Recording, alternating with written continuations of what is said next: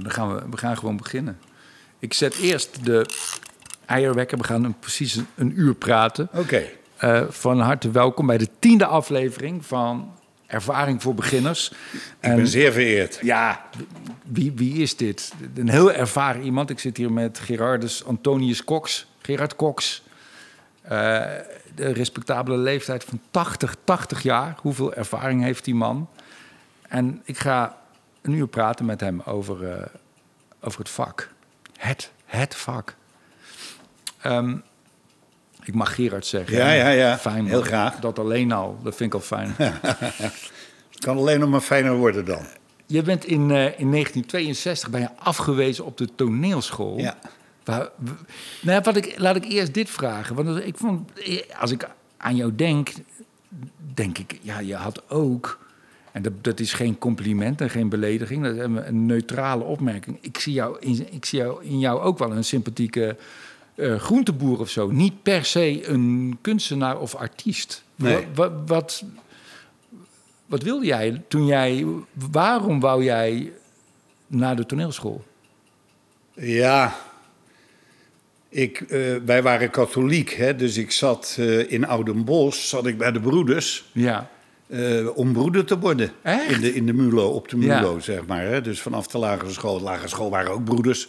Kan ik trouwens geen kwaad woord over zeggen, over die mensen. Nooit, nooit seksueel misbruikt? Nee, niets, nooit.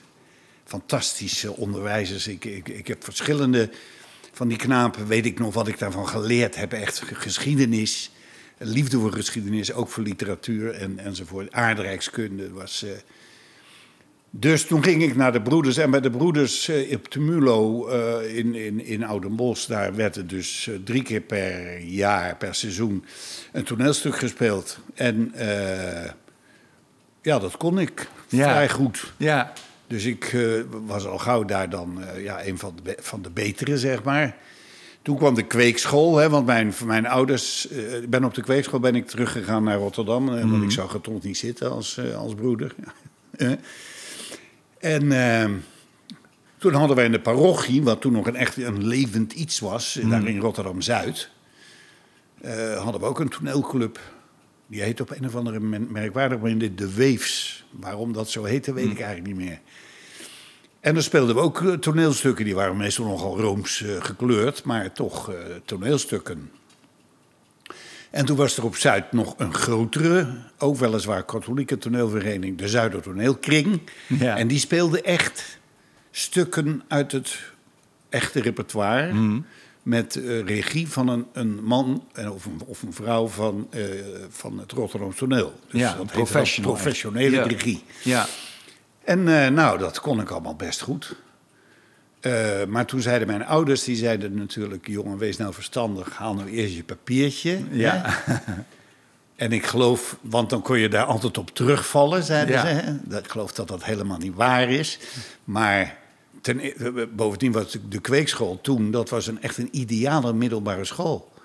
Eh, want daar had je dan keuzevakken. En als keuzevak had ik al gauw weer toneel natuurlijk. En... eh, eh, je kreeg psychologie en pedagogiek. En, eh, dus je, je, je, je leerde echt wat. Dus, en toen ik die, die kweekschool had gehaald, toen was ik pas 19. En toen kon ik gelijk dienst in. Ik heb eerst nog een paar jaar... een Paar, eh, omdat, oh, de, ja. Toen heb ik eerst een paar maanden voor de klas gestaan. Op een BLO heette dat toen nog. De- Ja. dus dat was voor, voor zeg maar onder de 100 eh, IQ. IQ. weet je, van 80 tot 100. Hoe heette dat nou? Eh, de bielen, geloof ik, of niet? Nee, volgens mij niet. Nee, iets, ietsje verder nog. Ja. Dat waren hele leuke kinderen, alleen Ja. die konden niet meekomen. matig, matig begaafden of zo. En toen ging ik eh, met lichting 61 eh ging ik de dienst in. Maar omdat ik dus onderwijzer was, kon ik er na twaalf maanden uit. Er was toen een eh, onderwijzerstekort. En dat was natuurlijk ideaal. Dus moest je alleen zorgen dat je onder die officiersopleiding uitkwam. Want dan was je 24 maanden was je de lul. Maar in jouw hoofd bleef spelen toneel, theater. Ja, ja, ja, ja. Maar toen ben ik ook gitaar gaan spelen en liedjes gaan maken. En eh, op de kweekschool hadden we veel cabaret ook. Eh, dat kwam toen allemaal net op, hè. Je had toen de grote drie. Toon Hermans, Wim Kan en Wim Sonneveld. Mm. En dan had je Cito Hoving met dat kleine tingeltangel hier. En verder had je eigenlijk niks. Nee, dat Freek en Bram bestonden nog nee, niet. nog lang niet. Nee. Nee, je kreeg op een gegeven moment Boudewijn de Groot. Dat was in ieder geval Nederlandstalig. Je had natuurlijk altijd Jules de Korte, wat ik een geweldenaar vond Ja. en vind. En toen kreeg je Ramses met, met eh, echt ook hits. En Jaap Fischer Ja. met, met hits. Was, die was heel populair op de middelbare scholieren, bij de middelbare scholieren. En eh, toen, heb ik, toen ik uit dienst kwam, dus moest ik ook wel voor de klas gaan staan natuurlijk... als ik eh, daarvoor eruit mocht. Dus dan heb ik een anderhalf jaar op eh Krooswijk, wat een, echt een, een, een mindere buurt is, zou ik maar zeggen, in Rotterdam, maar wel erg leuk. Heb ik lesgegeven op de lagere school. En toen in de zomer van 62 dacht ik, nu ga ik de grote stap wagen. Ja. En, en eh, ik, had, ik had ook best, best leuke aanbevelingen. Ik had eh Lily Bouwmeester, dat was een beroemde actrice van voor de oorlog. Die had- Het geslacht bouwmeester. ja, de bekend- echte bouwmeesters. Ja. En zij was een, voor de oorlog vooral een heel bekend, eh, een ge- grote actrice. Haar man heette ook weer van de Lucht Melsert. Dat is weer ook zo'n eh, ook zo'n familie. En ik had eh, ook ge- ge- gespeeld bij Louis Borel. Ja, mensen zijn allemaal op dood en begraven. En die hadden mij aanbevolen bij die meneer Pos. Meneer Pos was de, de, de directeur van de toneelschool, was hier in, eh, in de Marnixstraat. En eh, daar heb ik toen een examen gedaan. Dat is de laatste keer in mijn leven geweest dat ik ongelooflijk nerveus was. En ik zal dat ook best niet goed gedaan hebben, maar ja, ik kwam Wat moest je doen? Een monoloog? ja, dan moest je iets improviseren natuurlijk. Ja. En je moest een stuk uit je hoofd leren. Ik had, Ja. Pieter Lutz had mij geholpen. Ja, ook Een Rotterdammer. Legende. En die had namelijk ooit geregisseerd bij ons, bij Ja. dat, eh, dat gezelschap. Dus die had me ook geholpen. Maar toen kreeg ik een hele vriendelijke brief, was een hele aardige man, die meneer Pos, eh, van eh, ja, we zien het niet in u zitten. Dus ja, En stortte toen je... nou dat Wereld was wel, in. ja, je denkt wat nu? Ja, Ik ga niet eh, terug, dus dat terugvallen, dat is ook onzin. Want je gaat, Nee. ik denk, ik ga nou niet weer voor de klas staan, want dan heb ik het echt verloren van mezelf. Dus eh, ik had toen in de tijd inmiddels een plaatje gemaakt bij de studenten grammofoonplatenindustrie. Dat was een onderdeel, onderdeel van Bovema. En dat was IMI dus eigenlijk. En eh, die, die gasten die, eh, die, die maakten platen van die studenten. eh, je had het Utrecht studenten, studentencabaret, Amsterdam studentencabaret. Je had het Gronings van, van wat later Seth Gaikema de beroemdheid opleverde. En Delft, dat was natuurlijk toen nog de Technische Hogeschool. En eh, dus die, die, die studenten grammofoonplatenindustrie, die maakte die, perste die plaatjes en die verdiende daar natuurlijk goed geld aan. Ja. Want iedereen van die familie en bekenden, en, Ja. eh, die wilde die plaat ook hebben van. Niet te vergeten Paul van Vliet, dat was Leids natuurlijk, Leids studentencabaret. En ik was weliswaar geen student, maar ze hadden, na Jaap Fischer hadden ze toch mensen nodig. Toen had ik een plaatje gemaakt, een EP'tje met zes nummers. Drie aan elke kant, met liedjes die ik zelf geschreven had. En eh, nou, daar ben ik eigenlijk mee de deur uitgegaan. En ik ben nooit meer thuis geweest. fijn. En dat was dus heel iets anders. De- maar ik ben, ik ben blij natuurlijk achteraf. Blij in ieder geval. Het is allemaal gegaan zoals het gegaan is. Maar als je dus op die toneelschool terecht was gekomen. dan had je daar drie jaar of vier jaar eh, ja, acte- ac- acteur leren worden. En dan kwam je bij een gezelschap terecht. Ja. En dat was het dan. Hè? dan kon Ja. je, als je het heel goed deed, kon je dan eh, eerste acteur worden, denk ik. Maar ik ben blij dat het zo niet gegaan is. Ja, dat kan ik me voorstellen. Omdat je veel autonomer bent Ja, ik, had, daardoor. eh, want van die, ik was met die gitaar, dus met liedjes. Ik- wat ik in dat eerste najaar van 62 eerst heb gedaan... je had een tamelijk goede en bekende Rotterdamse liedjeszanger. Dat was Peter Blanker, Nooit met de gitaar ook. Ja. En eh, die zei, ga je mee druiven plukken? Want eh, daar kun je onder kunnen ontzettend veel geld verdienen. En toen dacht ik, moet je nagaan... toen dacht ik, ja, dat ga ik nu doen... want daar zal ik later nooit meer tijd voor hebben. Zo, wat een zelfvertrouwen Ja. ook. ja, dat op, wat op niets was gebaseerd. Ja. Behalve wat je zelf denkt. Je weet, en je weet helemaal niet waar je aan begint. Als je Nee. begint aan dit leven, dat weet je niet. Je weet niet wat het allemaal heel- inhoudt. Dat is heel grappig. Ik herken dat heel erg toen ik net begon. Ik begon dan in 1990. Ja. Ik had ook hartstikke veel zelfvertrouwen. En als ik zie wat ik toen deed, denk ik, waar was dat op gebaseerd? Ja, maar ik heb even er tussendoor wel eens een stukje daarvan gezien. Dat je zei eh, dat je inpakker was bij een. Bij een Ja. en, en, eh, en toen kwam die en die met zijn, met zijn HAVO-diploma. Ja, dat, ja, dat was mijn eerste programma. nou, ja. dat was leuk. Ja, maar dat, Dat- was al vier jaar later dan dat dat, ik begon. echt. leuk. Dat was Maar goed. Ja. Eh, dus toen zijn we druiven gaan plukken. Nou, daar ben je helemaal niet rijk van. Je, want je werkt hier de pleuris van s ochtends zes tot s avonds zes. En dat was heel zwaar werk. Wat je, bij de eerste drie dagen verrekte je van de spierpijn. Want je stond steeds gebogen en je knipte dikwijls met die... Met die want je moet achter die bladeren zijn, daar hangen die trossen. Je knipte de- ook nog dikwijls nog wel in je vinger. En, en we verdienden eh, 10 frank per dag. Zo. Dat was toen 7 gulden. Dus toen we, dat duurde 10 dagen, toen hadden we 70 gulden verdiend. Maar achteraf eh, had ik dat toch nooit willen missen. Had je überhaupt, want ik, ik heb jouw carrière een beetje bestudeerd, waarbij wat me opviel, eh, je was best wel een controversiële man. Later, later. Op ja. allerlei momenten. Eh, want ook mensen kennen, of jongere mensen kennen jou misschien van eh, toen was geluk eh, heel gewoon. Maar daarvoor, man, je hebt allemaal ook rechtszaken aan je broek gehad. Majesteitsschennis. Ja. De VPRO, die uitzendingen afgelaste. Om- omdat je, hè, dat je be- bevriende staatshoofden beledigde, Ja, niks ja. een moordenaar. Zijn, er dingen achteraf waar je wel spijt van hebt? Of ben je blij nee, met alles wat nee, er gebeurd ja, is? Ja. Nou, er zijn, er zijn dingen dat je, dat je denkt dat, dat ik had meer verstand. Maar ik heb heel veel stomme dingen gedaan. Maar ehm, eh, ik, ik zal één voorbeeld geven. Wat ik, dat, dat is echt. Ik heb toen een liedje gemaakt, maar dat was ook weer jaren later. Ajax is dood. Ja, en gelukkig won Ajax daarna drie keer de Europa Cup. Dus, waardoor het je eh, vergeven werd. En dat had ik nooit moeten doen. Toen, toen kreeg ik, ik, kijk, ik durfde alles. Het- Ja. En, en dan doe je wel eens veel te veel en, en, Ja. en te hard. En, en, eh, en toen kreeg ik een man aan de telefoon. Ik stond toen nog gewoon een telefoonboek. En die zei, ja meneer dit, eh, dit doet mij pijn. dit, eh, dit, eh, ja, dit vind ik heel erg, dit doet mij pijn. En toen dacht ik, ja, dat is natuurlijk ook zo. Dat moet je, eh, hè, ik ben dan een Feyenoorder. Dat, dat, dat, dat, dat had ik nou bijvoorbeeld niet moeten doen. Maar ja,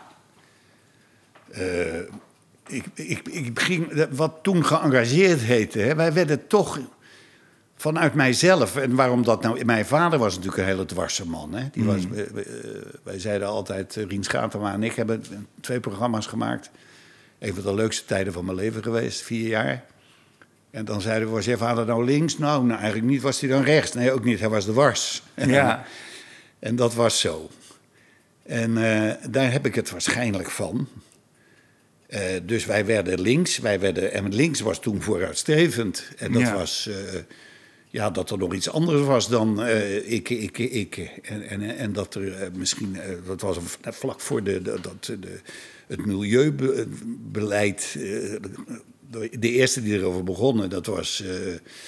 dat was D66, dat die, dat die spuitbussen. En dan, dan, dan keek je elkaar aan. Dat, is- dat is zeker onzin. Nee, dat was helemaal geen onzin. Die tasten dan de, de ozonlaag Ja, aan. gat ik in de ozonlaag Kort, kort er nooit meer wat van, maar goed. Dat, dat komt, maar dat is, wel, dat is nou net wel een succes geweest. Ja. Dat komt omdat ze die drijfgassen Dat die- misschien ook uit de het- spuitbus hebben gehaald. Dat de- heeft, dat heeft zich hersteld. En mensen zeggen ook, je hoort nooit meer wat van het, eh, het, het eh, hoe heet dat ook weer? Het, het, eh, het woud eh, sterft. Ja, zure regen. De zure degen. Ja, Maar dat is misschien ook wel gelukt. ja dat, weet, dat weet ik Dat weet ik eigenlijk ook niet. Nee. Je hoort er inderdaad nooit meer wel van. Dus, maar ik moest van de gitaar af natuurlijk, want ik wou toch wel acteren. Ik wou iets doen met Ja. mijn handen. Ik wou ook eh, heen en weer kunnen lopen. Dus ik, ik eh, ontmoette toen de, de toenmalige pianist van het Utrecht Student- Studentencabaret. Dat was eh, Jan-Willem ten Broeke. Een hele goede pianist. En die kon ook lekker zingen en die kon ook lekker meedenken. En wij gingen dus, ja, je, je wilde de boel een beetje op stel te zetten. Dus mijn eerste, dat kan je je nou niet meer voorstellen, maar mijn eerste, zeg maar, spraakmakende. We kregen een gelegenheid in Delft, in een kelder van een, van een restaurant, om daar de, drie avonden in de week, eh, hoe heet het, eh, cabaret te doen. En was de bedoeling dat die mensen die daar hadden zitten eten boven, dat die ook nog even naar beneden gingen. Ja. En dan had je wijn en Franse kaas. Hè, nou, Franse kaas was heel bijzonder in die Ja. tijd. Dat kon je alleen maar in de bijenkorf kopen. En dan nog lang niet alles, maar... eh, Camembert en Brie. Een paar dingen, ja. Ja. Brie de la Campagne, ja. En eh, dus wij gingen daar programma's maken. Ik heb, we hebben daar drie programma's gemaakt tot, zes, tot 1966 toe. En ja, de eerste heette Welvraat. Hè, in plaats van welvaart. Ja. En de twe- tweede heette Van de Prins Geen Kwaad. Want we hadden toen ook die toestand met Klaus. Hè, waar we Ja. allemaal tegen waren, omdat het een Duitser was. Bleek er achteraf een prima man te zijn. Ja. Goed.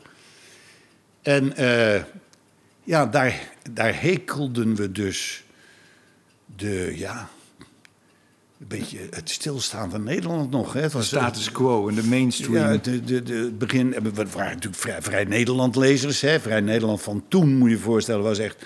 Tot ver in de jaren negentig was het echt het, het toonaangevende weekblad. ja. En, Van en de heel goed. weldenkende li- linkse mensen. Siemens Ferdinandussen, Joop Ja. van Tijn, eh, Igor Cornelissen, noem ze maar op. Tamar, hè, Renate Rubinstein. En wat daarin stond, ja, dat geloofde je dan ook wel zo'n beetje. Dat was je kompas. Dus dat ging je uitdragen. ja. ja. Ja. En, mijn, je- eerste, mijn eerste... En nu, als je daar nu terug naar kijkt, ben je nog steeds eens met je, de- jezelf van toen?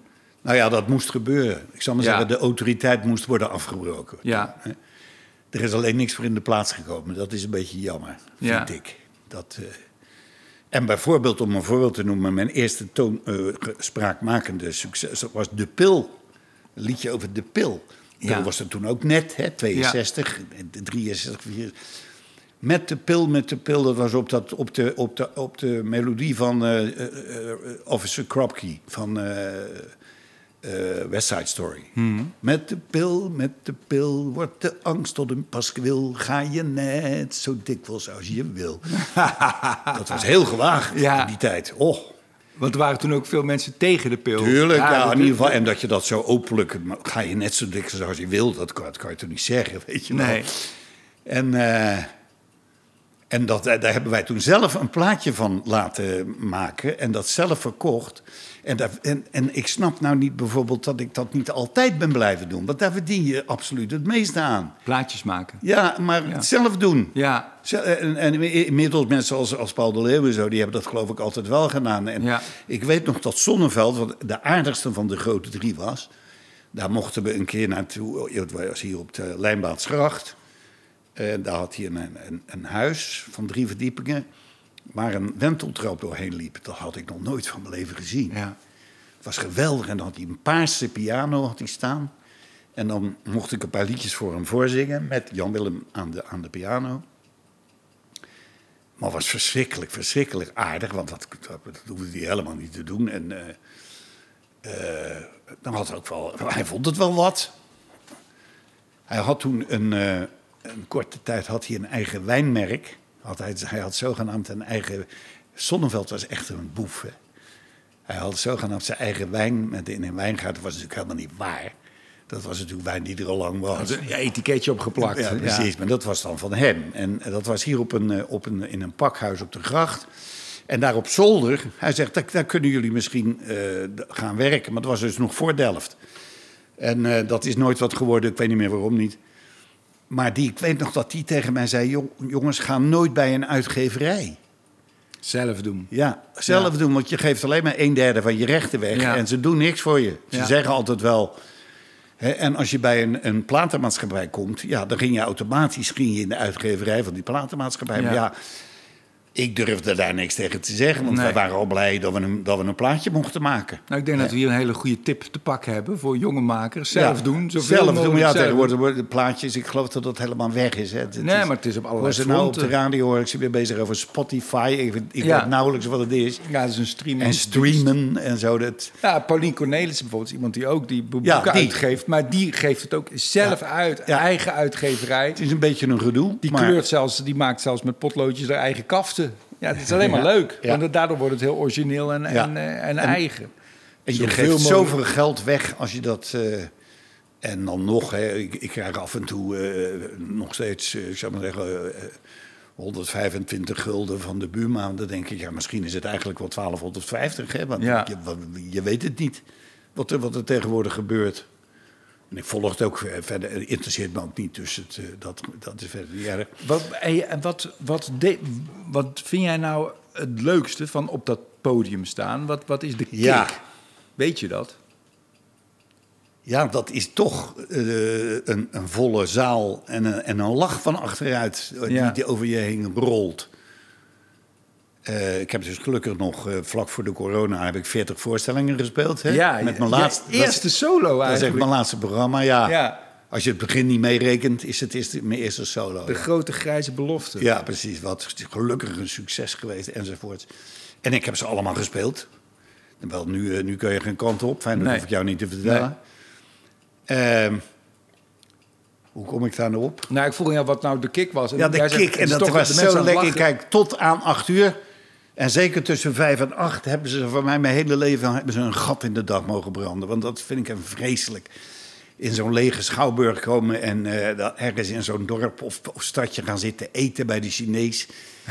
Eh, eh, terwijl, en of het nou in Middelburg is of in Den Helder, het is allemaal hetzelfde. Hè? Overal die winkelstraten zijn allemaal hetzelfde. eh, een Blokker en een Ema, eh, ja. dinges.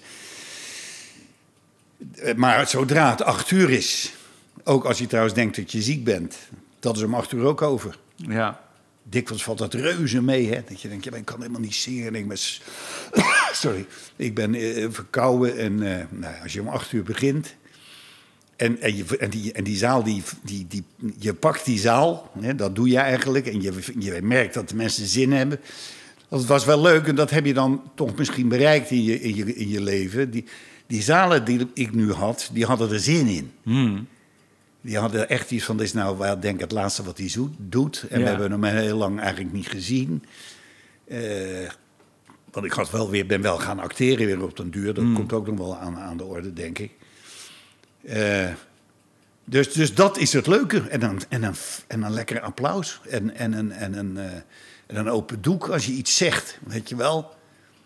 En, en ik zei bijvoorbeeld in mijn programma... ik viel altijd een beetje op oudere vrouwen. Maar ja, ik kan ze niet ouder meer vinden. dat is helemaal niet waar. Ja, ja. Ik viel helemaal niet... Maar dat is leuk om te zeggen. Ja, ja. Hè? Dus eh, ja, ik heb ervan genoten. Maar ja, het is zo'n grap, want het is wel interessant om daarop in te zoomen. Van het is niet waar, maar wel grappig. Ja. Eh, is het belangrijk als, als, als kleinkunstenaar, als cabaretier, dat, dat wat je vertelt ergens in de bron waar is? Of is dat helemaal is dat flauwekul? Dat weet ik niet. Dat weet ik niet. Ik heb alles wat ik heb staan zeggen en beweren... en zeker toen het allemaal nog heel links en geëngageerd was... dat vond ik ook. Ja, en dan later denk je, nou, het kan wel een, een beetje minder. En dat is ook trouwens wat gewoon waar is... dat met het klimmen der jaren eh, word je natuurlijk ook wat... ga je de boel, meer eh, relativeren en de humor erin zoeken. Hè. ja, Nou, de humor is relativeren eigenlijk. Ja. hè. Dat is het dubbele bodem erin leggen. En eh, dat was het, het, het, eh, het, mak, het, eh, de makke, vond ik, van eh, Jaap van der Merwe. Dat was een geweldige tekstschrijver. Die kon ook best aardige muziekjes maken. hij schreef teksten voor Lurelei, toch? Nee, Oh, sorry. Nee, hij was solo-artiest ook. ja, hij deed het ook zelf. En dat, moest hij niet doen, want hij kon het niet. Ja, En, maar dat was ook allemaal zo recht voor zijn raap eh, links, zal ik maar zeggen. Ja. En, en eh, bijna communistisch, wat toen ook nog links was. Eh, dat met name Wim Kan in een van, zijn, van, die, van die boekjes, van zijn, van, zijn, van zijn dagboeken, weet je wel. Die, die, terwijl Kan was natuurlijk de allerleukste. ja. Zonneveld was de aardigste en Kan vond jij de leukste. Kan was de leuk. Nou ja, Toon Hermans was ook wel heel geweldig. Ja. Je kunt het eigenlijk niet vergelijken. Maar, maar Kan was natuurlijk meer een, een conferencier. Ja. Die zong ook wel. En eh, dat was ook best soms aardig. Maar hij zei vooral dingen. Kijk, eh, en dat, dat komt misschien ook nog ter sprake. Als ze nou hebben over dingen wat je allemaal niet meer mag zeggen. Dat je denkt, dat zou voor zo'n man als Wim Kan toch onmogelijk zijn geweest. Die, ze hadden toen verzonnen begin jaren 70, dat is het voorbeeld wat ik altijd gebruik. Toen moest, eh, nee, begin jaren 60. Ergens halverwege de jaren 60 moesten we Nieuw-Guinea toch afstaan, ook aan Indonesië. Dat was trouwens onterecht, hè. Want Nieuw-Guinea heeft niks met Indonesië te maken. Ook niet met Nederland trouwens, maar goed. Toen zouden we dat daar eh, zou onafhankelijk worden. Ja. Hè? Nou, dat is natuurlijk nooit gebeurd. En die mensen worden daar schandelijk onderdrukt door de Indonesiërs. Maar toen zei Wim Kan, die zei... Ja, nou, we moeten, nou we- moeten de Papua's, die moeten dus, er komen verkiezingen, dus de Papua's moeten gaan stemmen. Ja, hoe kan dat nou? Dan moeten we ze eerst vangen. Ja. Nou, dan, dan zou je nu werkelijk, dan zou het, het dak van, de, van, de, van het theater zo je wordt ge- gecanceld, heet dat nu. Hè? Dan, dan, Terwijl, ja, ik heb, ik heb die dingen ge- wel gezegd. In die, ve- in die, die, die 40 Ja. voorstellingen. Ja. Ik heb het ook gewoon over het woord neger gehad. Ze zeggen dat tegenwoordig ook het N-woord. Dan, dan word ik bijna eh, onpasselijk van. Dan denk ik, Maar het waarom- N-woord. Want dat vind ik wel een beetje raar. Ja, ik wil het hier niet te lang over. Maar Nee. wat, ik, wat ik wel gek vind, want ik, nou ja, we hebben eventjes gebeld en we hebben elkaar één keer ontmoet. Ik weet, je bent, je bent een intelligente, welbespraakte man. Dat je zei dat je moeder zo, zo blij zou zijn dat ik nee, maar het is toch ook zo dat het woord neger, dingen veranderen. Het is toch ook niet erg dat dingen veranderen? Het Ja, kan toch zijn maar dat... wat is daar nou ver- veranderen aan? Nou, het gevoel wat mensen met een donkere huidskleur hebben als je dat woord gebruikt. Ja, maar dat, En- dat is, dat is eh, nou ja goed, kijk, nikker, dat mocht je niet zeggen. En in Amerika nigger. Ja. Terwijl ze onder elkaar zeggen ze dat wel. Ja. Hè? Maar goed, dat moeten ze onder elkaar weten. Maar eh, ik, ik, zong, ik begon dus een liedje. Maar je hebt toch genoeg alternatieven? Je wilt toch niet, jij, net zoals bij dat Ajax-liedje, dat jij Ajax er helemaal geen pijn wil doen. Wil je mensen met een donkere huidskleur toch ook geen Nee, pijn maar ik wil doen? ze ook geen pijn doen. Maar Nee, ik wil uitleggen wat een onzin het is... dat dat ineens een, een, een woord is wat je helemaal niet meer, mag gebruiken. Ja, maar als, als, dat, als dat aan de andere kant zo gevoeld De wordt... Volkskrant daar die schreef dat is misschien voortschrijdend inzicht. Ik zeg nee, het is voortschrijdende vertrutting. Hmm. Want je kan op een gegeven moment niks meer zeggen. Ja, het rare is... Dat mens wat bij jou geweest was, die, verschrikkelijke mens... Ja, die daar dan eh, alles aanwees wat jij zei wat niet kon... en die Ja. zegt dan tegen jou, waarom kan je het niet zeggen... want je zegt het toch. Ja. Ja, natuurlijk zeg je het toch, maar zeg, let wel op het woord toch. Hè? Ehm, het gaat er niet om... Het gaat er, we moeten alles kunnen blijven zeggen. Mm. En... eh, Ja. eh, eh, dat, dat, ieder, en eh, die, die half-intellectuelen, die dus de, de, de media be- bevolken en bestieren, die gaan ook meteen mee. Hè? Er is er een of ander trutje geweest twee jaar geleden, die had een boekje geschreven waarin het woord blank, dat was ook beledigend. Want Ja. blank, dat betekent. Prompt schrijft, de hele Volkskrant schrijft wit. wit. Wij zijn niet wit. Wij zijn blank. En, daarom dus, en dat is wat je ook dan van de Volkskrant niet meer mag zeggen. Het is allemaal Amerikaanse onzin. Hmm. Komt allemaal uit Amerika gewaaid. En, eh, en daar is er natuurlijk wel het een en ander aan de hand. Hè. zeker. Maar, Dat maar is, hier niet. Ik geloof dat Amerika wel echt een racistisch land is, ja. Ja, maar- maar dat, ja, dat zit er ook dik in. En dat is pas. Maar ja, wat, wat, wat grappig is, Geert, is dat er, dat er wel steeds bewegingen zijn. Want ik moet even opzoeken wanneer dat was. Je hebt ooit dat liedje gezongen, eh, Arme Oude. Ja, Arme Oude. ja. Waarbij hij een soort provo speelt die koningin Juliana ziet... en eigenlijk tegen het koningshuis is, maar in haar ook zijn eigen moedertje herkent. Dat is het verhaal. Heel lief. Ik heb Ja. zitten luisteren, een heel lief liedje. Ja, maar dat sloeg in als een bom. ja Ook door de taal, hè? dus toen kreeg je heel veel eh, ellende daarover. Terwijl eh, een aantal decennia later Hans Theeuwen de koningin in de, in de kontje neukt. En dat, dat was helemaal geen probleem. Daar heb ik verstart naar zitten dus kijken. het is niet zo dat het vroeger beter was en dat je vroeger meer mocht zeggen. Dingen zijn in Nee, beweging. nee, en, nee, jawel, dat is wel zo. en die beweging zelf, dingen moeten ook bewegen, toch? Het is de, de- Ja, maar bijvoorbeeld... En dan houden we erover op, hoor, want het is veel te vervelend. Eh, toen ze zes jaar geleden, en zo, zo kort duurt het allemaal nog maar... begonnen over Zwarte Piet, toen keken wij elkaar toch aan. En zeiden wij, hebben ze het in godsnaam over? En eh, nou, dat hebben ze toch... En wat zullen ze daar trots op zijn? Ze hebben toch dat Sinterklaasfeest naar de kloten geholpen. En dan zeggen de mensen, nee, maar, eh, maar ook weer die half-intellectuelen natuurlijk. Waarom zou dat niet veranderen? En waarom, ach, het Sinterklaas, wa- waarom moet Sinterklaas veranderen? Waar staat dat? En waarom moet het Dan hetzelfde blijven? kan je de biervieters in, eh, bij de tower, die kan je ook wel Maar afschaffen. waarom moet het hetzelfde blijven? Kun je, zou je ook kunnen Omdat, afvragen. eh, kijk, en dat, is, en dat is het laatste wat ik erover zeg. Zwarte Piet is helemaal geen neger. Donald Duck is toch ook geen eend? Bij Bommel is toch geen beer? Zwarte Piet is Zwarte Piet. Dat heeft geen pest met, met, en, met- en al helemaal niet met slavernij te maken. Ja, het heeft allemaal met interpretatie te maken. En als, Ja. als er veel mensen zijn die dat op een manier Maar dat zijn niet veel mensen. Dat is een kleine groep querulanten en ruziezoekers. Nou, ik had ooit het grapje van... eh, bij een groepsverkrachting zeg je ook niet meeste stemmen gelden. Nee. Weet je, van, Goed, ja, precies. maar goed. Dat is Ja. toch juist altijd ook het leuke, want dan gaan we toch weer door op je Maar- vraag.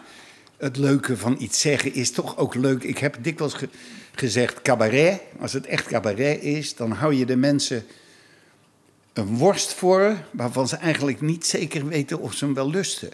Dat is mooi gezegd. Dat hadden wij met Lurelei. Ja. Hè? Daar zei je dus dingen dus over de koningin en over... de- de- en dat zijn allemaal dingen, dat kan je je nou niet meer voorstellen. Hè, Lurelei speelde een parafrase op de, op de troonrede. Ja. Nou, daar werden ze voor verketterd. Dat was nog voor mijn tijd. En ik zong het liedje God is niet dood. Ja. Want er was, er was toen ver- verschenen een boek God is dood. En ik zong God is niet dood. Hij leeft in hutten en paleizen waar iedereen met hem verkeert op eh, eigen wijze. Dominee Buskus. Door een beetje op te. Dominee Buskus, dat zegt ook nu nog wat. Maar dominee, eh, Gerard Cornelis van het Reven brandt een kaarsje. of strijkt verliefd een jonge ezel langs het aarsje. Ja. Eh, en in de kloosters doen ze het meestal door te zwijgen. en op de Veluwe door polio te krijgen. Ja. Grandioos, hè, Guus Vleugel. Ja. Door die mensen, Guus Vleugel en Erik Herfst, is alles veranderd. Die hebben, die hebben de boel. En als ik dan, en zo beschou- beschouw ik het, als ik het nou allemaal weer dicht zie gaan, Ja. dan doet mij dat, eh, dat, dat doet mij nou zeer. Ja. Dat ik denk, wat jammer nou. Dat, dat op de stranden ook geen- de vrouwen niet meer in de blote tieten gaan liggen. Ja, dat komt ook door de telefoontjes. Dat is ook technologische ontwikkeling. Hè? Dat steeds Ja, foto's worden gemaakt en wordt gefilmd. Dat is niet alleen Dat is maar... een andere ramp van deze tijd. Ja. Maar ehm, Maar ik vind wat je zei heel mooi. Cabaret is een worst voorhouden waarvan mensen niet zeker weten of ze hem of ze hem lusten. eigenlijk wel lusten. En, wat, en wat is dan het vakmanschap? Wat moet je dan als cabaretier doen dat ze hem toch vreten? Ja, het goed verpakken, hè. Ja, het goed verpakken en met name dus inderdaad humor erin leggen. En, eh, en, het, en het relativeren en misschien eh, drie zinnen zet- verderop het, het tegenovergestelde zeggen. Dat kan ook. maar ik stuit wel op een paradox. Want ik, ik vind dat heel mooi, die metafoor van die, van die worst. En dat je eigenlijk, het is interessant om mensen ook een beetje aan het wankelen eh, te brengen. En om ze misschien te laten voelen dat dat wat ze zeker we- denken te weten, misschien niet helemaal klopt. Ja. En dat je eigenlijk verruiming creëert. Ja. Hè? Maar tegelijkertijd voel ik bij jou ook een beetje eh, eh, starheid in, in een aantal dingen. Ja, maar het is ook zo dat als ik, als ik begin. eh, als ik dus gewoon het woord neger gebruik en zo, dan, dan denken die mensen: wat zegt hij nou in godsnaam allemaal? Ja, ik, ik, ik vind het ook een inmiddels een vervelend woord als je het zegt. Ja, maar dat wordt Ja. het vanzelf Ja. natuurlijk. Ik ook. Dat, dat, ja. Maar ik vind zwarte, dat vind ik ook niks. En, en, Nee. en, en kleurling en eh, Nee. weet ik wel. Maar ja, misschien hoeft het niet per se benoemd te worden ook. Dat zou helemaal tof zijn als we op een gegeven moment daar zijn. Dat dat, eh, dat, dat helemaal niet meer extra benoemd moet worden. Wat, wat de kleur van iemands huid is. Maar de tijden zijn. Maar het, ja, we kunnen er niet helemaal omheen, het onderwerp. Want dat is bijvoorbeeld ook super interessant aan de film waar jij hebt gespeeld, eh, Het Debuut. Het debuut, daar roepen ze ook van, dat zou je nu niet meer kunnen Nee. maken. Dan denk ik, dat is dan toch hartstikke jammer. Ja, voor de luisteraars die het niet kennen, het debuut is een film over geregisseerd door een vrouw, Noeska van Brakel. En het gaat over een. eh, Het hoofdpersoon, de hoofdpersoon is een meisje van 14 die verliefd wordt op een man van 40. En ze wil dat hij haar ontmaagt. Ja. En ze, worden, ze krijgen een kortstondige relatie Die natuurlijk misgaat. die misgaat. Maar dat is een feministische film. Zeker, ja, ja, ja. ja Want het ja. gaat over een Grietje die op de veertiende al denkt... ik ga het doen zoals ik vind dat het moet. Ja, ja. Hè? Dus dat zou heel jammer zijn als dat niet meer zou kunnen. ja. En, en het zou nu niet meer kunnen, denk ik. Die ja, film dan zou ik dat echt willen maken. Ja, ja, nou ja, dat had ik ook toen ik erover nadacht. En toen ik... eh, ja, ja zo, zo zie je hoe de tijden op allemaal verschillende manieren eh, veranderen. En misschien ook wel vertrutten, ja. Ja, in die zin, maar in die zin is het dus hetzelfde als in de jaren zestig. En dat merkte ik toen ik dit programma, dat laatste programma van mij ging spelen. Toen dacht ik, we zijn eigenlijk weer terug bij het begin. Ja, Want toen wij in de jaren zestig moesten we allerlei, moesten, gingen we allemaal taboes doorbreken en zo. Dat is nou weer. Alleen, eh, men, men vindt dan eh, dat dat vooruitgang is, dat het niet meer kan. Maar ik vind dat helemaal niet. Ik vind het... eh, Ja, ik weet niet of taboes per definitie slecht zijn. Ik denk ook wel dat, goed, dat het goed is dat er een aantal taboes is. dat weet ik niet. Nou, denk ik wel. Ik denk dat, dat eh, er zijn een paar natuurlijke taboes, weet je. Dat, dat eh, incest is ook een taboe waarvan Ja. ik denk, nou, heel goed dat dat eh, in stand gehouden wordt. Ja, je weet, kijk, Seks met minderjarigen ook, ja, in zijn algemeenheid. Ja, dat is natuurlijk verkeerd. Maar, je had vroeger de NVSH, de Nederlandse Ja. Vereniging voor Seksuele Hervorming. Daar heb ik heel veel aan te danken. Want de voorlichting die ik nou gekregen had thuis, dat hield niet over, zou ik nou maar zeggen. En die mensen hadden een, een, een blad verstandig ouderschap. Ja, Maar dat stond dus ook vol met, met, met of vol, dat, daar stond ook regelmatig eh, ja, zeg maar, tips in over, over seks. Ja. Hè? En, eh, en bij die mensen, die hadden dan in de stad hadden die bepaalde punten. Daar kon je dan condooms Ja. gaan halen. mijn Dat, ouders hebben ook zo'n punt, die hebben dat nog verkocht. Condooms, ja. ja, dat, dat, dat, en dat was, dat was, dat was grensverleggend. Ja. Met, dan met, eh, met name. En, eh, maar toen hoorde ik later, ik zal maar zeggen dat zal geweest zijn in de jaren negentig of zo. Zij vonden dus, eh, hoe heet dat, met, met kleine kinderen, seks met kinderen, Ja, pedofilie. pedofilie, dat verdedigden zij ook. Ja, En als je doorredeneert, is dat ook wel zo. Maar dat kan natuurlijk niet. nee. En dat hebben ze vrij eenvoudig opgelost. Dat je zegt, het moet, het moet met wederzijdse toestemming moet het gaan. Maar ja, zo'n kind, weet, me- ja. een kind weet meestal misschien niet eens wat er wat er gaat gebeuren. Maar precies daarom is het goed om dat te verbieden. ja, dat moet, dat, Ja. jij bent er absoluut niet voor, hoor. Zeker niet. Maar eh, dat zou een taboe kunnen zijn. Dat is misschien een taboe wat absoluut niet op... Nee, dat moet je niet. Maar dat moet je wel benoemen. Ja, Dan- Dan weet je ook waar je, waar je, voor, waar je voor uit moet kijken. ja. Ja, het zijn maffe, maffe tijden, man, als we het er zo over hebben. Ja. Ga, ga, je, ga je nog een programma maken? Of, of was nee, dit... nee. dit maar ik zeg al zes jaar hoor dat ik het niet meer Ja. doe. En ik heb, ondertussen hebben we dus een. Ik heb met Joke een toneelstuk gespeeld. eh, Alles wen behalve een vent. Dat was een groot succes. En dat kwam allemaal door, eh, door, eh, door mijn eh, producent, Bastiaan Ragas.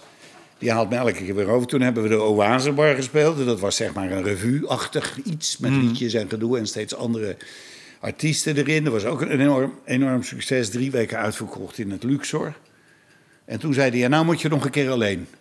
Ja, een goed plan. En dat was goed. Dat had me, had, had me ook zo omgeluld. Het was in de pijp. Dat is een bekend re- restaurant in Rotterdam.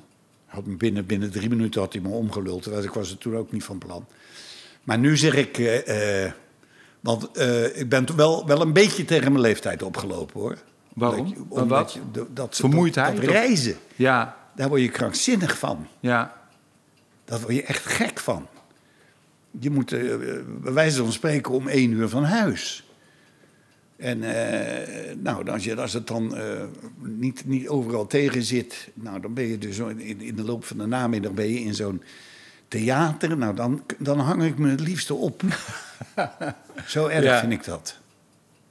Er is in die theater namelijk geen levende ziel meer te bekennen tegenwoordig. Die, die kantines zijn meestal eh, vervangen door een, door een, eh, door een, eh, een, een of ander apparaat. Er is niks meer aan. Vroeger had je van die, van die eh, families die die, die kantines runden. runden, ja. In Tilburg kan ik me met, met name herinneren. En alleen, hè, dus eh, als je met een, met een clubje bent, dan is het. Ik, ik, dat alleen, dat, dat vind ik ook. Ja, je hebt ook veel in duo's gespeeld, hè? Met Ja. Schatema, met Frans Halsema. Frans. Wat als je terugkijkt, wat, wat was de beste, het beste format voor jou? Wanneer was je het gelukkigst? Nou, ik was, ik heb, dat zei ik net al, ik heb vier jaar met Rien Schratema gespeeld, van 84 tot 88, twee programma's. Die waren, geen van beide waren die dijen, dijenkletsend eh, eh, succes. We konden er, we hebben ze ieder zes, eh, 60 keer gespeeld. Ja. Ze- ja, 60, denk ik. 120 dus in twee jaar en dat nog eens een keer 120. Ehm, maar Riens was zo'n bijzondere man. Dat, en ik heb daar Friesland leren kennen door hem. We gingen bij hem repeteren aan onze grote boerderij in eh Beerdaard. En eh, ik, door hem, wat is nou, net- het is nou net niet geweest, eh, de, de, de kaatskampioenschappen, zeg maar, de PC in de zomer. Daar ging ik ook met hem naartoe. En, dat, dat was, en, en met hem spelen was ook heel erg leuk. Maar het succesvolste was het met Frans. Ja. Ja, ik Dat ken, was die uit mijn, ik ken die uit mijn jeugd. We hadden echt zo'n LP, We Blijven Lachen. Ja. En daar stonden al die stukjes Ja. op van eh, geen ja en geen nee. Ja. En al, al die eh, sketches die jullie Nog, hè, hadden. je hoort het nog op de radio, hè? Je hoort het nog op de radio. En het is, eh, we hebben, alle, we hebben denk ik 600, 700 keer samen gespeeld. We hebben twee keer een programma gemaakt van 2,5 jaar. Twee keer 2,5 jaar. Waarom waren jullie zo'n goed duo? Omdat we tegengestelden waren. En dat was met Riens ook niet zo. Riens en ik waren het overal over eens Ja. met elkaar. Frans en ik waren hele andere me- mensen. En als ik het nu terugzie, dan zie ik het ook. Dan denk ik, ja, ik, ben- ik ben dan een beetje de, de bijter, zeg maar. Ja. En Frans speelt dan een beetje de dommerik. Ja. En dat, en dat was een tegenstelling die enorm goed werkte. Vooral met dat nummer over die twee hondmannen. Of je dat Ja. ook wel eens hebt gezien. Dat is echt hilarisch. Ja. En dat komt omdat hij dan een hele domme hopman speelt. En ik dat in de gaten heb en het, en het steeds wil verbeteren. Weet Ja. je wel? Nou, dat is zo ontstaan. Maar dat zat toch ook in ons zo. ja. En, eh, en daardoor werkte dat. Wat, wat moet je doen? Wat is het verschil tussen de.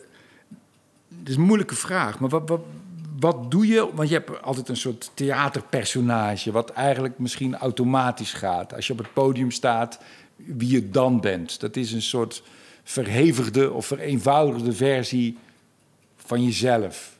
Ja.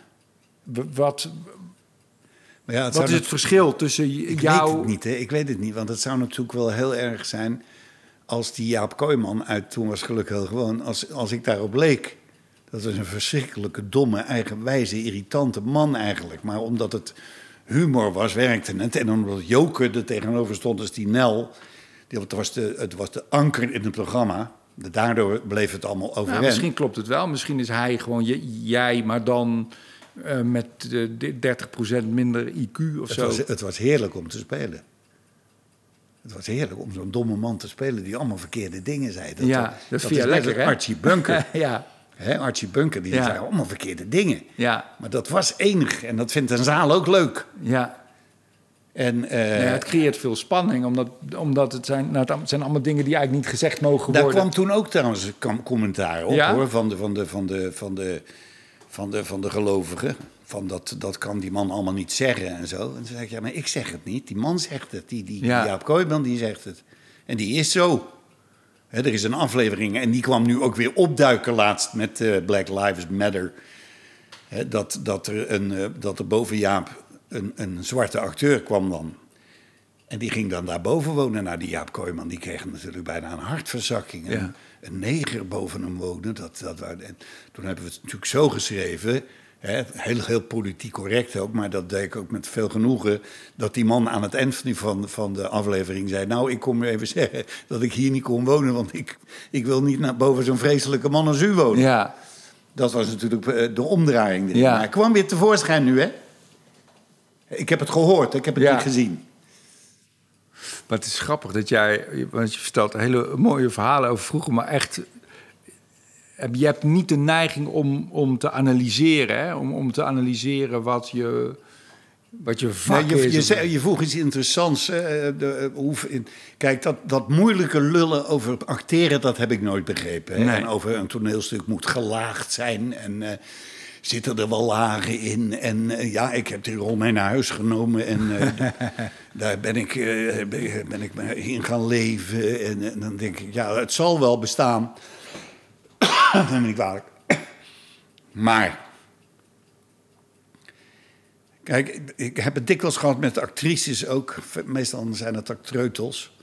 Dat is nog een woord van Isra Meijer. Die zeggen, waarom zegt die vrouw dit nu? Dan zeg ik, omdat het er staat. Ja. Daarom zegt ze dat. Weet je wel, dat- dus ik, dat psychologiseren, dat is nooit iets voor mij geweest. En eh, ja, in het, in het cabaret komt dat ook eigenlijk niet. Ik ben dus later ben ik gaan acteren, hè, Pleud en Hugo Metzers Ja. en, Ple- en Pleud Nietouw. Die hebben mij toen, en dat was de eerste keer dat ik weer, dat ik echt dus, ik heb toen twee jaar toneel, nou, een paar jaar toneel gespeeld. Eerst met hun, toen met Luc Lutz. En later hebben we Fien gedaan. Dan was dat een musical natuurlijk, maar dat was eigenlijk ook acteren. Had ik een dubbelrol.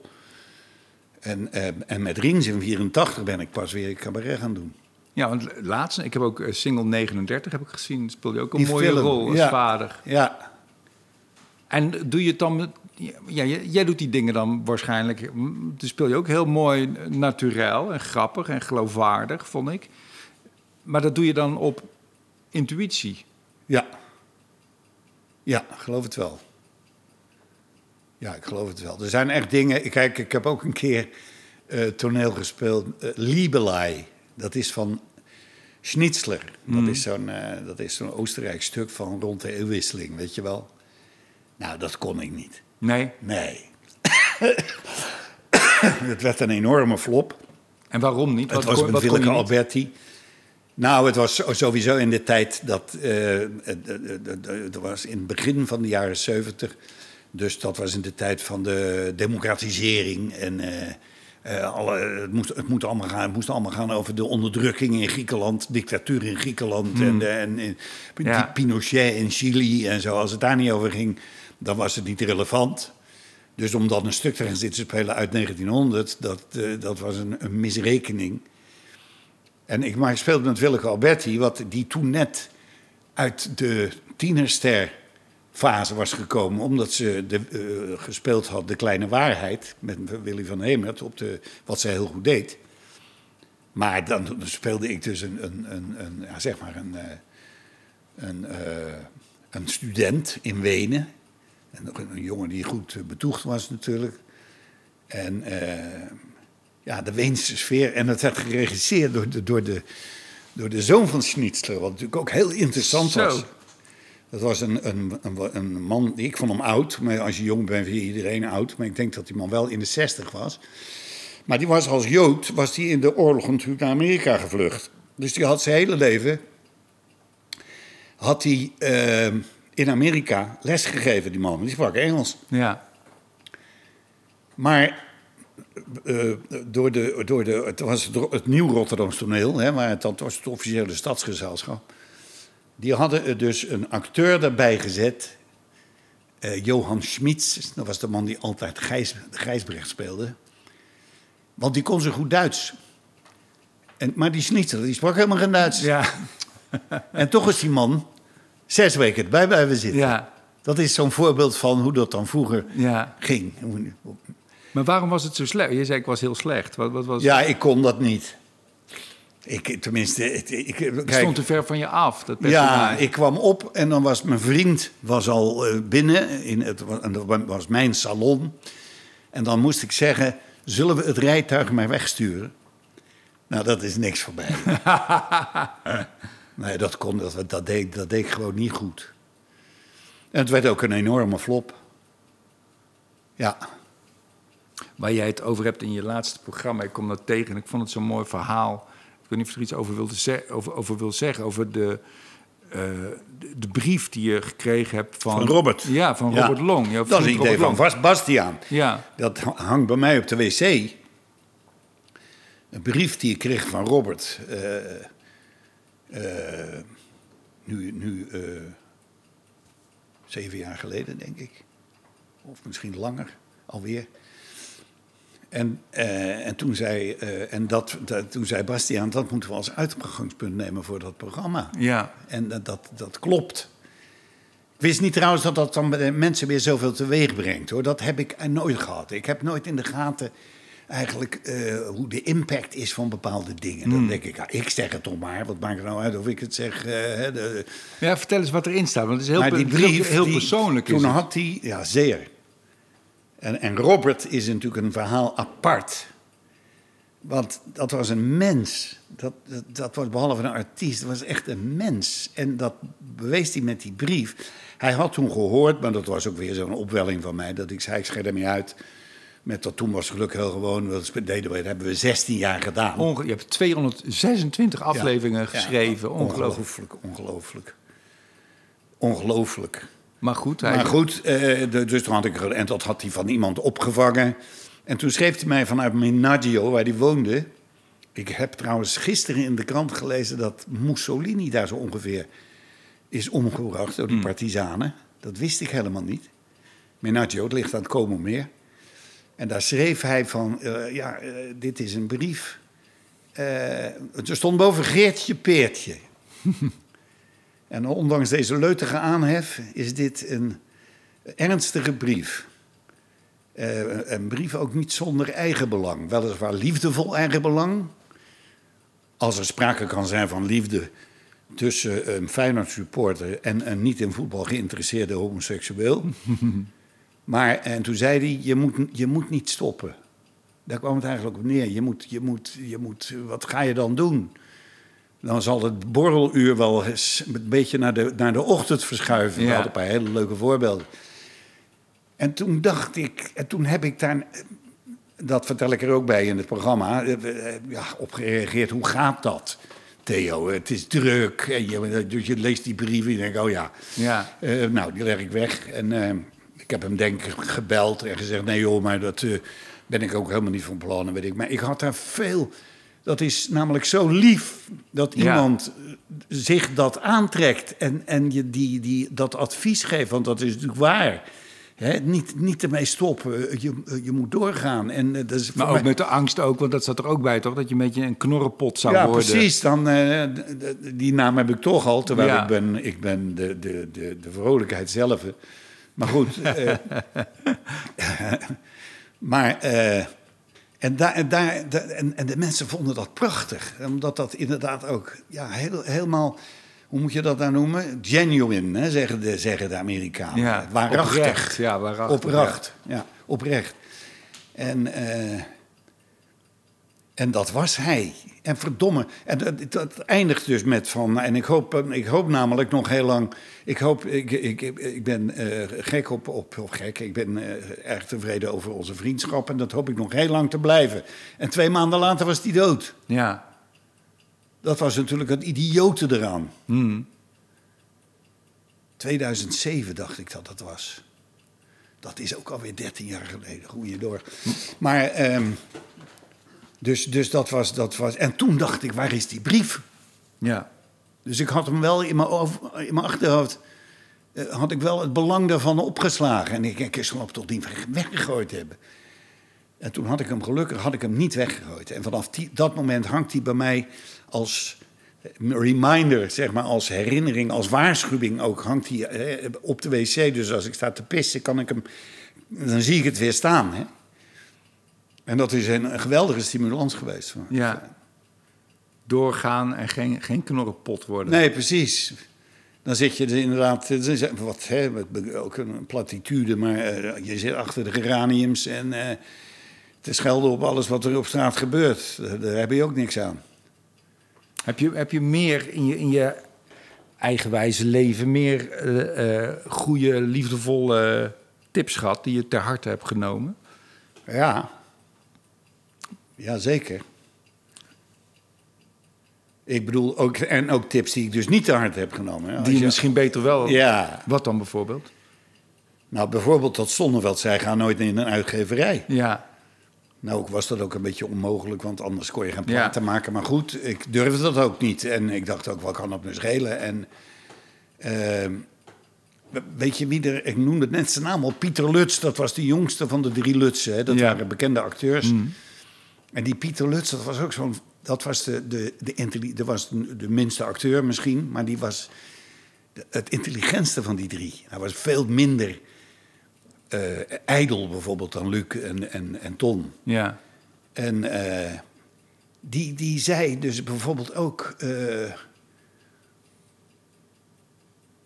dat is nou maar een detail. We hadden toen een bijeenkomst gehad en toen had iemand haar op het toneel had, had Toon Hermans afstaan berekenen. Dat was toen in de mode, hè, want Toon Hermans was niet geëngageerd. Ja. En toen zei Pieter Lutz later tegen mij, eh, in, in die na, soort nazit, zeg maar... eh, dat is heel jammer dat dat gebeurd is. Want wat, en toen dacht ik, nou, eh, natuurlijk kun je dat over... te- nee, dat, dat, wat, dat, was, dat was zinloos. Dat, dat had niet moeten gebeuren. En, en ik, dat begreep ik toen trouwens dus ook niet. Maar ik weet het dus nog wel. Ja. Hè? En, eh, ja, en weet je wat, bijvoorbeeld Wim Kan, die, die, die, die schreef me een hele lieve brief, aardige brief, die heb ik ook bewaard natuurlijk. En die, die, ik had mijn plaatje naar hem opgestuurd. En ik had ook voor hem gezongen. Hij, nou, nodigde me, hij stond toen in Schouwburg Zuid, die je toen nog had. Die is nou helemaal, helemaal vernieuwd. geworden, eh. En eh, toen mocht ik om, eh, om zeven uur bij langskomen. Toen heb ik een paar liedjes voor hem voorgezongen. Zat hij met Corrie in de zaal. Ik was toen was ik trouwens ook nerveus. Twee, twee- tweede keer in je leven. Ja. Maar die schreef toen een hele lieve brief van... eh, ja, niet kwaad worden, schreef hij er steeds bij. hè. Maar ik, ik, zie er niks in. Ik, ik, ik vind het niet goed. Ik vind het niet goed genoeg. Maar dat heeft hij ook aan Jasperina de Jong geschreven. Ja. Dat weet inmiddels ook niemand meer natuurlijk wie dat was. Maar dat was een hele grote Een eh, fenomeen ook, ja. fenomeen, zeker. Ik zit nou natuurlijk me gek te, te praktiseren. Want ik heb, ik heb een aantal mensen die hebben dingen gezegd...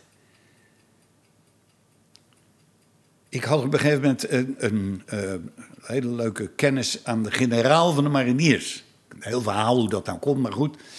Meneer Lamer, generaal eh, Adria, Adriaan eh, heette die, Lamers heette die, en dat was de generaal van de... En die, die, toen had hij het over, ik weet niet of je dat weet, in de jaren dertig, ik weet niet precies welk jaar, is er een muiterij geweest op de zeven provinciën. Dat was een kruiser die in Indië voer. Hè? Heel ver in mijn geschiedenislessen zit dat En toen heeft de regering heeft, daar een, een vliegtuig op afgestuurd. Dat was een vliegtuigje. En die hebben daar een bom op gegooid. En die bom die ging precies door de schoorsteen van dat schip. Paf, weet je wel. En ik was daar natuurlijk, als dat verhaal opkwam... En dat die, want die, die hadden, hadden ongetwijfeld gelijk... dat ze eh, als beesten werden behandeld Ja. waarschijnlijk... en niet behoorlijk tevreden kregen enzovoorts. Eh, en toen zei hij, die, eh, hij was natuurlijk marinier... toen zei hij, ja, maar je moet toch ook goed begrijpen... hoe trots die piloot was... dat hij dat, dat, hij dat geflikt had. Door de schoorsteen. Door de schoorsteen. Beter had het niet gekund. Gek dat ik dat nou... Daar heb ik al honderd jaar niet meer aan gedacht. Maar toen dacht ik, ja, zo is het ook. Hmm. Dat, dat is ook een prestatie. En eh, daar, moet je ook, daar moet je ook reken- rekening mee houden. Maar er is bijvoorbeeld... Ja, Gu- Guus Oster was een, een, een, een grote acteur. Ja.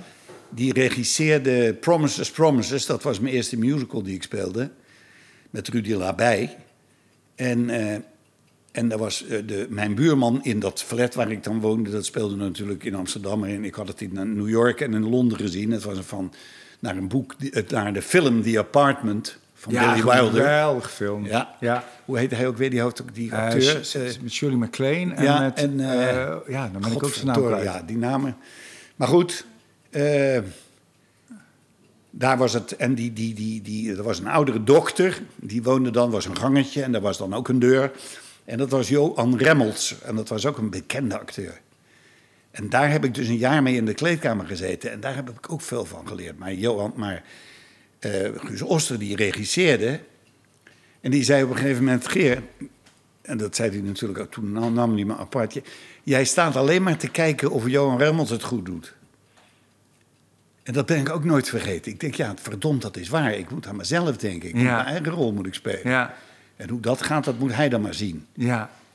En ik heb later, dus een paar jaar geleden eh, in Rotterdam, een- twee keer of drie keer een stuk gere- geregisseerd. En dat heb ik bijvoorbeeld, dat kon ik echt als een wijsheid, kon ik dat inbrengen. ja. Want de, de leider van die club was... Niet eh, op die andere letten. Of niet, ja, nee, je moet je wel moet luisteren en andere- kijken, je maar niet moet- je- beoordelen. Je, moet, je moet jezelf bezig zijn. ja, Dat is bijvoorbeeld voor het vak is dat een, een hele eh, goede aanwijzing. Ja. Dat je dat moet doen. Ah, wat ik zo mooi vond aan toen ik, want ik heb En gisteren. Remmels, ook toen- voor ik het vergeet, Remmels die zei...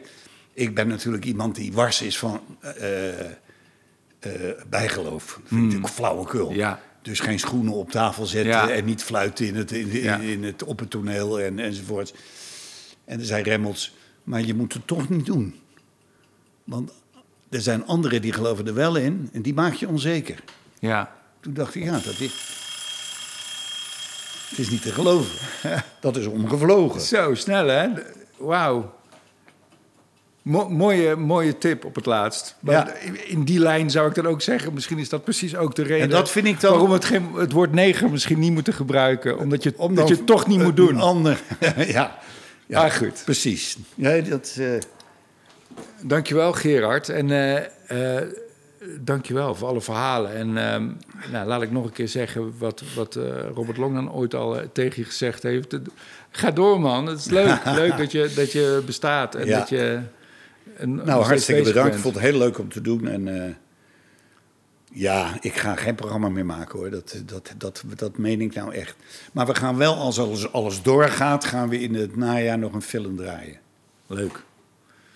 En eh, nou, ik weet het niet. Misschien ga je toch nog wel een keer een programma maken. Ik, ik, ik, ik geloof je niet. Weet je wat het leukere was eraan? En dan stoppen we hoor. De- de- mijn stem bleef goed.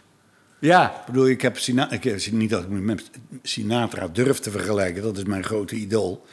Maar die laatste jaren, dat, dat, dat kon natuurlijk Nee, helemaal niet meer nee. wat, hij- wat hij deed. Maar mijn stem is gewoon nog goed. absoluut. Nou, de laatste keer dat ik Toon Hermans heb gezien, was die jouw leeftijd, denk ik. Was die 80. En toen ging zijn stem ging ook niet meer. Nee. Eh, In de Schouwburg in Eindhoven herinner ik me nog. Dan Ja. moest je echt helemaal op het puntje van je stoel gaan zitten om hem überhaupt te verstaan. Maar je hebt een Toen zei hij wel weer iets heel leuks. Hij zei, eh, ja, dan zeggen ze tegen je, je, je wordt oud. Ja, als je niet oud wordt, ga je dood. Ja, zo is het. Nou, blijf, blijf toch maar leven. En Ja, we dank je wel voor alles. Nou, ik heb een nieuwe hond genomen, dus ik moet hier tien jaar door. Ja, Anders zit die hond zonder Ja, baas, dat ja. kan niet.